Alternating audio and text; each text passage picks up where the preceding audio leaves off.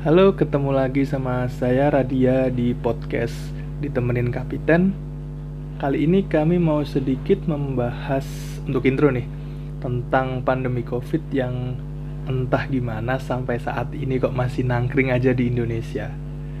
Nah, uh, kapan hari itu saya baca-baca di BPS Badan Pusat Statistik itu bikin analisis hasil survei dampak Covid terhadap pelaku usaha uh, dalam survei tersebut didapati bahwa 8 dari 10 perusahaan cenderung mengalami penurunan pendapatan. Itu persentasenya sampai 82,85% yang mengalami penurunan. Cukup banyak kan? Nah, dari yang selain penurunan-penurunan tersebut, uh, itu diakibatkan kenapa sih? Kan turunnya permintaan Nah, di turunnya permintaan itu ternyata yang paling terdampak dengan turunnya permintaan konsumen itu adalah di usaha akomodasi, makanan, dan minuman sampai 87%. Dan yang perlu kalian tahu, sektor yang paling terdampak COVID tertinggi juga akomodasi, makanan, dan minuman mencapai 92,47%. Berangkat dari hal-hal tersebut, kapiten kan punya rekan-rekan tongkrongan-tongkrongan, ada distributor yang bantuin kapiten, konsumen-konsumen kapiten yang suka nongkrong. Nggak sedikit yang cerita ke kami, sepi sekarang, nggak ada pengunjung, sehari bahkan kami rugi.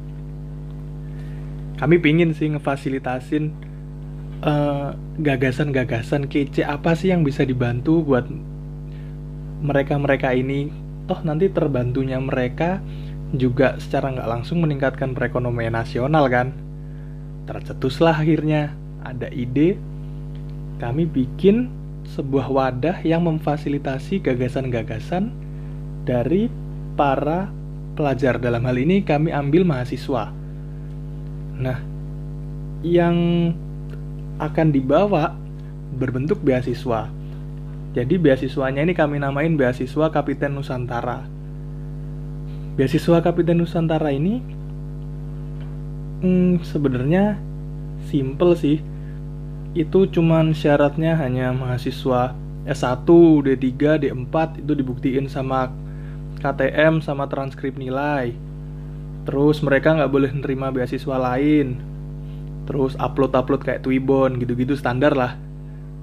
Sama yang paling penting bikin esai nah di esai ini mereka harus menceritakan alasan mereka ingin ikut beasiswa kapiten ini apa, terus kekecehan mereka ini seperti apa.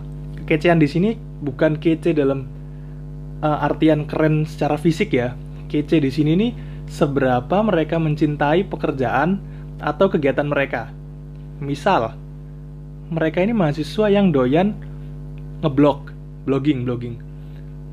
Nah, mereka tunjukkan kekecehan mereka dengan mereka tunjukin ini nih contoh tulisan saya nih kayak gini di web ini. Uh, saya berhasil menjuarai lomba kontes blog nasional. Kece kayak gitu. Atau misalkan dia ini uh, jagonya founder gerakan-gerakan sosial pentolannya di sana. Ceritain itu kan kece keren. Bukan keren secara fisik cuman keren secara aktivitas. Atau dia suka ngulik nih programmer. Suka ngulik-ngulik uh, website bikin-bikin kayak gitu-gitu.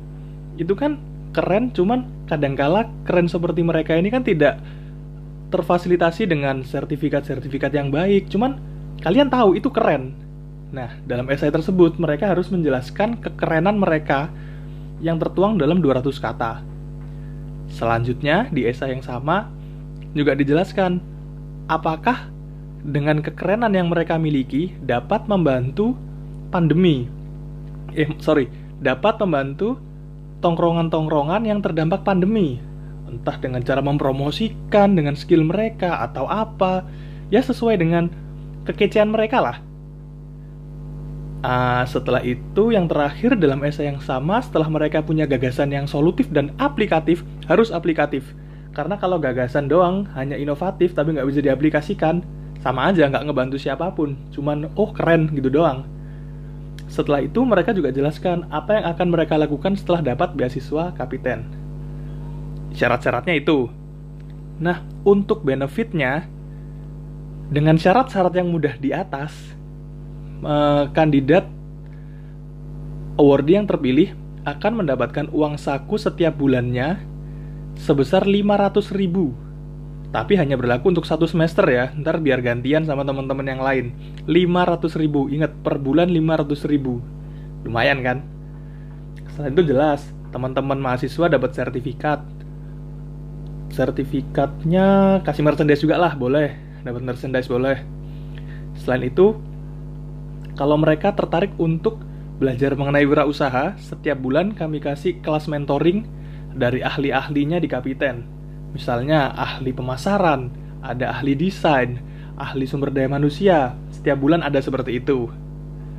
Dan yang terakhir, apabila gagasanmu ini oke okay banget menurut teman-teman kapiten, kamu akan ditawarin apakah kamu mau kerjasama ini uh, semisal dia minat magang di kapiten boleh sekali nanti dapat sertifikat magang juga dari kapiten kalau gagasanmu oke okay banget dan bisa diaplikasikan ya nanti di sini pasti akan didampingi oleh eh, kakak-kakak yang kece banget sih kalau yang ini. Kalau magang di Kapiten coba deh lihat kegiatannya at Kapiten Coffee Beer kalau ingin tahu sekece apa mereka. Nah sebenarnya simple sih cuman kalau eh, nggak uh, disebarin kan sayang juga. Jadi teman-teman yang dengerin silahkan disebarin ke teman-teman. Setongkrongan lah sekampus sefakultas atau keluarga barangkali adik kakak yang masih mahasiswa S1, D3 atau D4. Karena apa? Karena ini uh, pendaftarannya ditutup tanggal 14 November. 14 November sudah terakhir pendaftaran untuk batch 1 dan jangan lupa untuk kelengkapan-kelengkapan tersebut baik panduan, twibon, poster dapat di-download di bit.ly slash beasiswa kapiten. Beasiswa kapitennya nyambung huruf kecil semua. Udah gitu aja bagi teman-teman yang mau ngikutin Selamat berjuang, semoga sukses. Mari bangun Indonesia yang lebih baik Mari bikin tongkrongan semakin kece. Ditemenin kapiten, kapiten bersama kalian